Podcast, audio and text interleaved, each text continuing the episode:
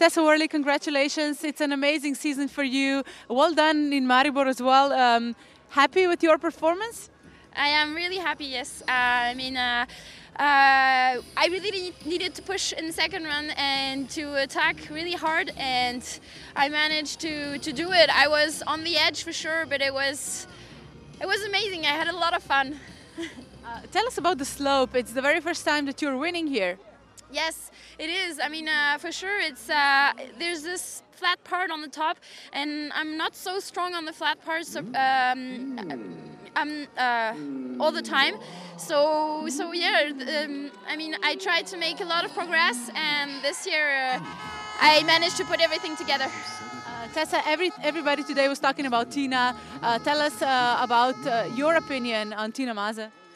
Well, uh, she's a great person, like I said already a few times, but she's she's amazing. She's uh, really respectful. She is she is such a great skier and such a, such a great athlete that um, I'm happy that she has this kind of uh, celebration at the end of her career. She deserves it so so much, and yeah, she did a lot for our sport. And I was very lucky to be able to share a few seasons with her and even a few podiums. So.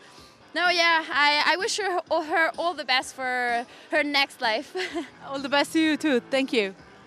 Tessa Worley, presrečna zmagovalka današnjega veleslaloma, pravi, da je ja, zelo zadovoljna s to sezono, da je danes mučala dobro, da ji ta zgornji del v Mariboru, ki je bolj položen, ne ustreza, tako ker ni najbolj močna na ravninskih delih, ampak je danes tudi na ravninskem delu smučala zelo dobro. Vprašala sem jo še o Tini Maze in o njenem slovesu.